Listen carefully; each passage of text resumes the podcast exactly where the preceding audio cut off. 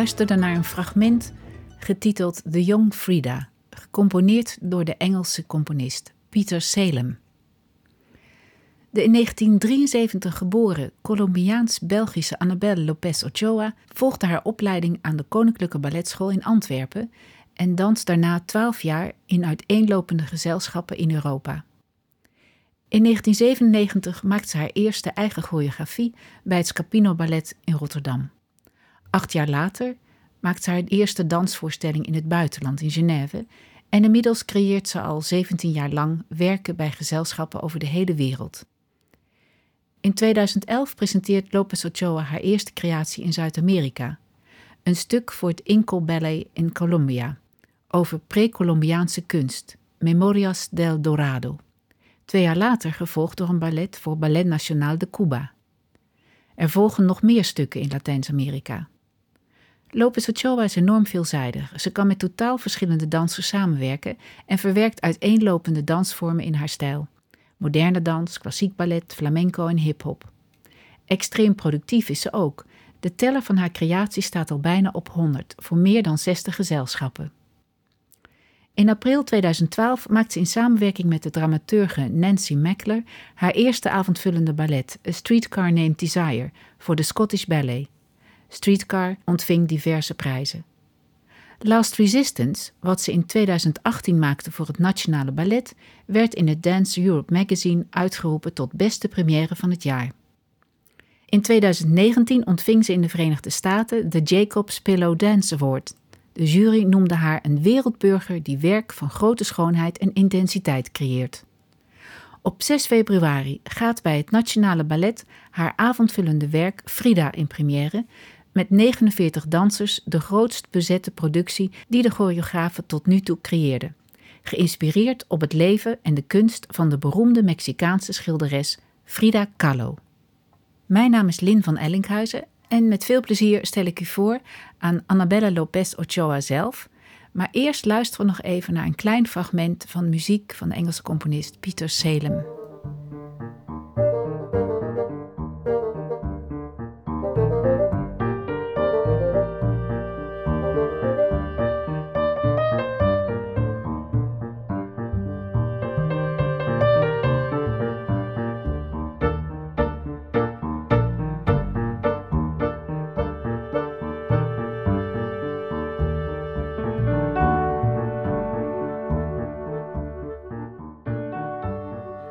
Het idee voor uh, Frida Kahlo uh, kwam in 2015 toen ik benaderd werd door Tamara Rojo, de directrice van English National Ballet. En die had georganiseerd om een avond te hebben met vrouwelijke choreografen. En ze had me gevraagd om een, een, een, vrouwelijke figuur uit de geschiedenis of literatuur te nemen. En daar een ballet over te maken, een kort ballet voor een één acteur. En toen kwam ik op het idee van Frida Kahlo. Ik had 15 jaar daarvoor de film gezien met Selma Hayek. En ik vond zo'n geweldige vrouw en ik vond haar uh, levensverhaal vrij opera-achtig. Dus tragisch, uh, dramatisch, uh, kleurrijk. dus, en dus dynamisch voor een avondvullende ballet. Je maakte dus een eenakter. En later ben je op uitnodiging van Ted Brandsen, artistiek leider van het Nationale Ballet, gevraagd om hier een avondvullend ballet te creëren. Maar nog even de titel, Broken Wings. Wat betekent dat? Ik had in de tijd, in 2015, heb ik heel veel uh, research gedaan over Frida Kahlo. En een van de boeken over haar is haar eigen uh, dagboek. En de titel van het dagboek heette Alas Rotas, Broken Wings, dus uh, gebroken vleugel. Vandaar kwam de titel. Het is niet een voor de hand liggende keuze om een voorstelling te maken, een dansvoorstelling van een vrouw met rugletsel, kinderpolio, moeizaam lopend. Um, wat had die voorstelling nou, of wat had Frida voor jou, waardoor je dacht: ik ga toch proberen? Ik wilde vooral Frida niet definiëren door alleen haar uh, tekortkomingen, dus fysieke tekortkomingen, maar vooral wat ze toegevoegd heeft aan onze leven en aan de kunstwereld. Die vrouw heeft zich uh, haar hele leven lang geuit via haar kunst en dus haar leven geschilderd en zichzelf geschilderd. En dat heeft mij voornamelijk geïnspireerd en niet zozeer die letsel en het feit dat ze uh, in een rolstoel eindigde. Dus ik denk dat het stuk niet zozeer een biopic is, maar meer een portret van wie die vrouw was als persoon, haar energie, uh, waar ze voor vocht, haar kleurrijke wereld, uh, dus haar creativiteit. En daarbij ook dus het ongeluk op haar achttiende en haar ontmoeting met Diego Rivera, uh, al zijn affaires, al haar affaires en haar gevecht voor het Mexicanismo, dus voor uh, de identiteit van de Mexicanen. Dus daarbij kwam dat. Dus het is niet, voor mij niet zozeer, ja, we gaan kijken naar een kreupele vrouw uh, twee uur lang. Vooral niet dat, nee. Ik denk dat ze een heel sprankelende persoonlijkheid was. Nou, je hebt dan een aantal momenten genoemd. Kun je het verloop van de voorstelling beschrijven aan de hand van een aantal sleutelmomenten? Ja, het verloop hebben besloten met de librettist eh, Nancy Meckler. We hebben dus samengewerkt met een, uh, een dramaturg, librettiste uit Londen. Uh, we hebben al eerder een paar voorstellingen gemaakt. En met haar hebben we dus het libretto geschreven waar wij dachten van, nou ja, het verhaal wordt verteld vanuit het oogpunt van de figures of the Day of the Dead. Dus het zijn skeletten. En die ja, die vervelen zich. Het is warm, het is in Mexico. Ze zitten op een kubus en uh, uit die kubus plukken zij een figuur. En dat is uh, Frida Kahlo, die 16 jaar oud is en gekleed is als klein schoolmeisje. En dus van daaruit gaan we zien hoe ze met haar familie omgaat en hoe zij een relatie heeft met haar vriendje Alejandro. Daar zien we dus chronologisch dat ze een ongeluk uh, heeft met een bus en een trolley. En dat ze dus daar tot daaraan toe wilde ik vooral geen kleur hebben. Dus alles is monochroom, dus zwart, wit en grijs. En op het moment dat ze dus uh, het schilderen ontdekt, dan beginnen kleuren te komen in de voorstelling. En dan van daaruit gaan we af en toe via dus de anekdotiek, wat er gebeurde in haar leven, naar het surrealisme van haar schilderijen en haar gevoelsleven. Dus dat uh, wissel ik af om daar zo dynamiek in te zien te vinden. Want ik vind haar schilderkunst juist zo poëtisch en zich heel goed lenen voor uh, de balletkunst en ja, de beeldende kunst. Dus van daaruit willen we gewoon een paar uh, sleutelmomenten dus het ontdekken van schilderen. De ontmoeting met Diego Rivera. We wilden ook laten zien dat Diego Rivera zelf een kunstenaar is. Dus we gaan laten zien hoe hij uh, die grote muurschilderingen doet. We gaan laten zien dat, uh, dat zij helaas drie uh, miskramen heeft gehad. We gaan laten zien dat zij affaires heeft gehad, dat ze in Amerika hebben gewoond en dat ze zich daar heel eenzaam voelde. En we gaan een paar grote schilderijen, zoals de Broken Column en de Two Frida's, gaan we laten zien in, in beweging wat ze zijn. Ja, naar het einde toe, dat, uh, ja, ik heb me heel erg laten inspireren door quotes van haar. Dus toen ze zei van, nou ja, ik hoop dat het einde leuk is en dat ik nooit meer terugkom. Dus de finale waarin zij doodgaat is eigenlijk een groot feest van kleuren. En al haar uh, beelden komen terug in de finale en die, uh, die vieren haar leven. En dan gaat ze weer terug in de kist, in de, in de kubus. Vind je dat Frida in haar schilderen ook een proces heeft meegemaakt, in haar schilderkunst?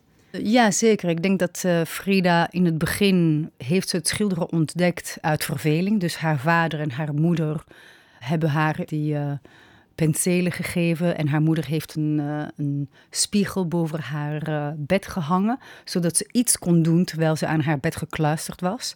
En dus in het begin was het meer van nou, dat ze zelfportretten deed, maar die waren vrij westers en esthetisch heel mooi. En toen ontmoette ze Diego en hij zag haar talent. En hij heeft haar echt ge, gepusht om iets meer een eigen identiteit, een eigen signatuur te vinden. En zij waren heel erg uh, fervent uh, voorvechter van het Mexicanismo. En dus zie je dat ze die stijl hanteert van het Mexicanismo. Dat is gewoon een wat meer tweedimensionale stijl van de schilderen. Dus de perspectieven zijn wat anders, de, de kleuren zijn wat feller. Dus dat zie je in haar schilderijen. En helaas aan het einde zie je ook, nou, doordat zij uh, heel veel pijn leed, heeft ze ook heel veel alcohol gedronken en uh, morfine genomen. Dus aan het einde van haar leven kon ze heel moeilijk schilderen. En dat kan je ook zien als, die, als het gewoon ja, te, te heftig werd. Dus je ziet via haar schilderijen wat, wat ze meegemaakt heeft in haar leven. Niet alleen in de beelden die ze daar neerzette, maar hoe ze schilderde.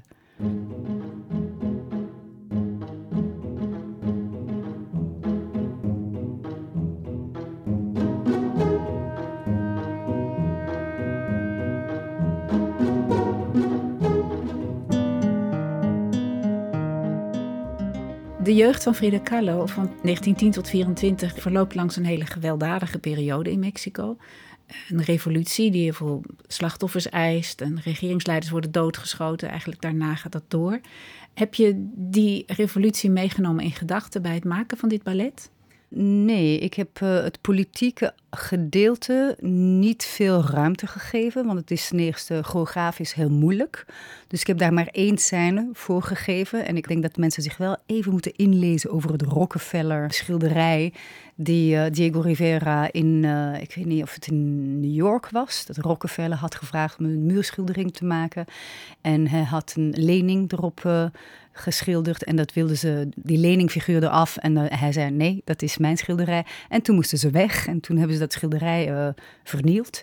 Dus dat is het enige moment in het ballet dat wij een beetje refereren aan het politieke inslag van beide. Ja, inderdaad, het schilderij uit 1933, die mural, en die wordt uh, vernietigd vanwege Lenin. En dan gaan ze terug en dan gaan ze terug weer naar Mexico, toch? Zien we dat moment ook, die heimwee bijvoorbeeld, in de, in de voorstelling? Het is wel de bedoeling dat we zien dat ze weggejaagd worden en dat ze weggaan uit Amerika. En dat ze weer helemaal alleen is in het Blauwe Huis. Want uiteindelijk zijn ze door één affaire met uh, haar zus zijn ze uit elkaar gegaan. En toen hadden ze twee huizen. Het Blauwe Huis, waar eh, Frida Kahlo verbleef. En het Bachelor Pad van Diego Rivera. Het waren twee huizen gebouwd door een vriend van hun, een architect van hun, met een brug. En dat huis had helaas te veel trappen. Dus daar kon zij niet in wonen. En toen hebben ze besloten dat ze Diego daar zijn atelier zou hebben. En dus vaak daar verbleef. En dus was ze heel vaak alleen in het Blauwe Huis. Wel omringd door uh, veel dieren. Dus een hertje en een uh, monkey en uh, vogels. En, dus dat, ga, dat gaan we allemaal zien in, in de voorstelling. Diego kreeg een affaire met Christina, de zus van Frida. Was dat een reden dat ze gingen scheiden? Ja, dat is de reden dat ze uiteindelijk zijn gaan scheiden. Het heeft haar heel veel pijn gegeven. Maar uiteindelijk zijn ze na één jaar toch teruggetrouwd. Want ze kon niet uh, zonder, maar ook niet met elkaar. En toen heeft ze wel moeten accepteren van, nou ja, je zal hem nooit veranderen. Voor hem is seks maar een, een ding zoals eten. Dat doe je. Dat heeft helemaal geen gevoel. Het is gewoon een necessity. En ondanks dat het dat niet leuk vond zelf, deed ze het ook. En niet altijd als, uh, weet je, revanche of wraak. Maar meer omdat ze heel nieuwsgierig was naar andere mensen. En als je kijkt naar de lijst van al haar uh, minnaars en minnaressen, zijn dat uh, ja, kunstenaars allemaal. Dus ik denk dat ze heel erg geïnspireerd was door mensen die creatief waren. Kan je een paar mensen noemen met wie ze een affaire had? Ze heeft een affaire gehad met uh, Nicholas Murray. Dat is de langste affaire van tien jaar. Dat was een fotograaf die heel beroemd werd omdat hij uh, uh, beroemdheden fotografeerde voor de Vogue en dat toen. Hij heeft ook vrij bekende foto's van haar uh, gemaakt. Ze heeft een affaire gehad met Isamu Noguchi, dat is een beeldhouwkunstenaar. En die maakte de set designs van uh, Martha Graham. Ze heeft een affaire gehad met, uh, ik geloof, Chavela Vargas, dat was een Mexicaanse zangeres. Met Josephine Baker, die ze in Parijs had ontmoet. Met Leon Trotsky, ondanks dat we net brieven hebben gevonden die dan laten zien dat zij vooral met Leon Trotsky iets wilde en hij zich maar liet inpalmen. Dus ja, dat zijn zowel mannen als vrouwen kregen haar aandacht. We gaan uh, opnames van Chavela Vargas laten horen. No sé qué tienen las flores, llorona las flores del campo. Sé que tienen las flores, llorona las flores del campo. Frida heeft Diego ontmoet op haar school, waar hij een muurschildering maakte toen zij 14 of 15 jaar oud was. En zij ging met haar eh, vriendjes eh, kijken hoe hij uh, dat schilderij maakte. En in zijn pauze af en toe een, een mevrouw had met wie hij ging flirten. Dus zij was gewoon seksueel actief, heel vroeg. Dus daar had ze heel veel interesse in. En toen, drie jaar later, kreeg ze dat ongeluk. En ze kon zich herinneren dat hij een kunstenaar was. En toen dacht ze van, nou ja, ik ga... Uh, ze heeft een paar schilderijen gemaakt. En toen heeft ze hem ontmoet weer en heeft ze gevraagd of hij bij haar thuis kon komen om die schilderij te zien. En eerlijk te zeggen of zij talent had of niet. Is het iets wat ik na moet jagen of helemaal niet? En zo hebben ze elkaar ontmoet. En een jaar later zijn ze getrouwd. Met een leeftijdsverschil van? 21 jaar, geloof ik. Behoorlijk. In Engeland werd Diego gedanst door de vader van Sasha Mohamedev. Ja. Wie wordt hier de Diego? Bij het Nationaal Ballet wordt Diego gedanst door James Stout. Zijn tweede bezetting is uh, Arthur Shesterikov. En de derde bezetting is Dustin True. Maar wel jonge dansers. Ja, dus uh, James is jong, veel jonger dan Irek Mukhamedov, die toen 57 jaar oud was. Maar hij heeft zo'n goede fysicaliteit en hij is zo'n goede acteur. We hebben deze week voor het eerst een uh, dikmaakpak aangetrokken. En hij werd het, hij transformeerde helemaal. En hij gaf heel veel uh, zwaartekracht aan zijn beweging, waardoor je echt denkt van, nou, die is dik. Diego was dik. Diego was een hele dikke man. De dag van uh, de bruiloft zei de moeder van Frida dat het een bruiloft was tussen een vogel en een olifant.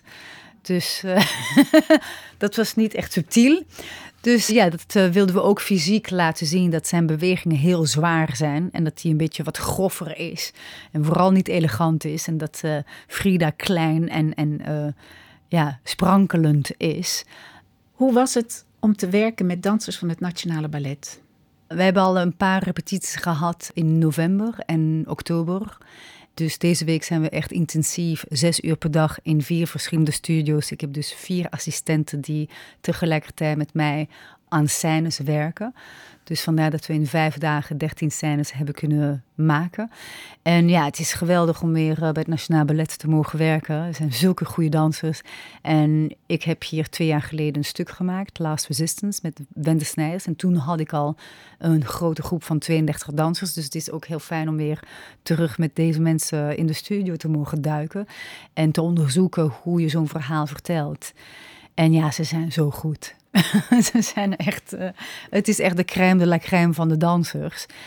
Het is wel de eerste keer dat ik iets theatraals met ze maak. Dus uh, het was uh, heel bijzonder, of het is heel bijzonder om met Maya Macatelli aan zo'n rol te werken. Want het is geen makkelijke rol om Frida Kahlo te doen. en je ziet het gewoon per dag dat ze grote sprongen vooruit en veel meer lagen geeft aan haar rol. Dus ik, ik denk dat ze amper slaapt. Omdat er zoveel informatie nu is in haar hoofd. En ja, het is uh, elke dag uh, kijk ik er naar uit om weer de studio in te gaan. Het Corps de Ballet is ook bijzonder. Je hebt tien mannen. Wat representeren zij? Ik heb besloten om de schilderij van uh, Frida tot leven te laten komen. Dus ik wilde vooral niet schilderijen, maar gewoon dansers gaan de schilderijen dansen. En dus zij is bekend, het meest bekend voor haar zelfportretten. Daar heeft ze een stuk of 57 van gemaakt. Dus ik heb besloten om een code ballet van tien mannelijke dansers uh, te kleden als Frida Kahlo's. Uh, in verschillende kleuren, dus ze hebben allemaal hun eigen kleur. En hun gezicht is helemaal geverfd in de kleur van hun rok. Ze heeft zichzelf ook geschilderd als een hert met haar eigen gezicht. Dus die figuur komt tevoorschijn in het verhaal. En juist heeft ook heel veel portretten met uh, dat zij vogels om haar heen had. Dus die figuur komt in ons ballet voor. En dus de Broken Column Frida uh, wordt ook door Floor Eimers gedanst. En de Victorian Frida, dat is een uh, heel bekende schilderij die ze heel groot had gemaakt met haar Mexicaanse zelf tegenover haar Westerse zelf. En ze heeft grote schilderijen moeten tekenen om uh, geld te verdienen om de kosten van alle chirurgische ingrepen te betalen. Dus uh, al die Frida's die komen voor in het ballet. Wie vormen je artistieke team? In mijn artistieke team heb ik uh, Dieveke van Rij. Zij uh, tekent voor de kostuums en de decors. Ik heb Pieter Selem, hij is de componist. Nancy Meckler voor de dramaturgie. En dan vier assistenten. Tot slot, Frida Kahlo, heeft zij ook met jouzelf te maken? Um, ja, in sommige opzichten wel. Um, ik voel me heel erg verwant naar haar toe door het mestiza. Dus zij was een kwart Spaans, een kwart indigena. Dus het is uh, de, de Mexicanen uit de Azteken. Een kwart Duits en een kwart Hongaars. Dat was Frida Kahlo. En ik ben uh, dus uh, half Colombiaanse, half uh, Belgische. Maar Colombianen, daar ben ik ook mestiza. Dus ik ben ook een half indigena en half Spaanse. Dus ik heb ook die, die mix. En dat is de verwantschap die ik heb met haar. Wat ik ook inspirerend vind aan uh, Frida Kahlo. Zij is een kunstenares die haar leven heeft geschilderd en dus concessieloos werk heeft gemaakt. En dat vind ik zo inspirerend om dat ook te doen. Uh, gewoon doen wat, wat je voelt en niet met de censuur van wat gaan mensen van mijn werk denken. Maar gewoon puur van, nou, dit, dit wil ik zeggen. En daar gewoon schaamteloos mee om te gaan. Gewoon, this is it. En het ligt dicht bij je hart, neem ik aan, vanwege je verwantschap qua Colombia. Ja, ik vind het heel bijzonder dat ik zo'n Latijns-Amerikaanse stuk uh, in Nederland kan presenteren. En dus een deel van mijn jeugd uh, kan laten zien. Ik ben opgegroeid met ouders die uh, dus Mexicaanse ranchera speelden thuis. Waarvoor ik me zo schaamde. Rancheras, dat zijn uh, Mexicaanse liederen. Het gaat altijd over de liefde en de liefde gaat nooit goed. Meestal worden ze uh, dronken gezongen. Uh, dus da daar uh, luisterden we naar uh, als kind, tenminste tijdens mijn jeugd luisterden mijn ouders daarnaar. En ik schaamde me altijd wat, wat de buur zouden denken van die rare muziek die we draaiden thuis. Waarom konden we niet gewoon Jacques Brel en weet je, Michael Jackson zoals iedereen. maar ja, nu dat ik ouder word heb ik meer respect ja, voor mijn eigen roots. En, en voor ja, alles wat ik meegekregen heb van de cultuur van mijn vader. En die begin ik nu pas, na mijn 40 ben ik die gaan, uh, gaan verweven in mijn werk. Dan ben ik benieuwd wat het volgende stuk wordt waar je ik ook. naar gaat werken. maar eerst dit. Eerst Frida Kahlo, wat die op 6 februari in première gaat. Mm -hmm. um, ik wens je heel veel succes met alle werk en uh, de korte tijd die je nog hebt. En heel erg bedankt voor, uh, voor dit interview. Dank je wel.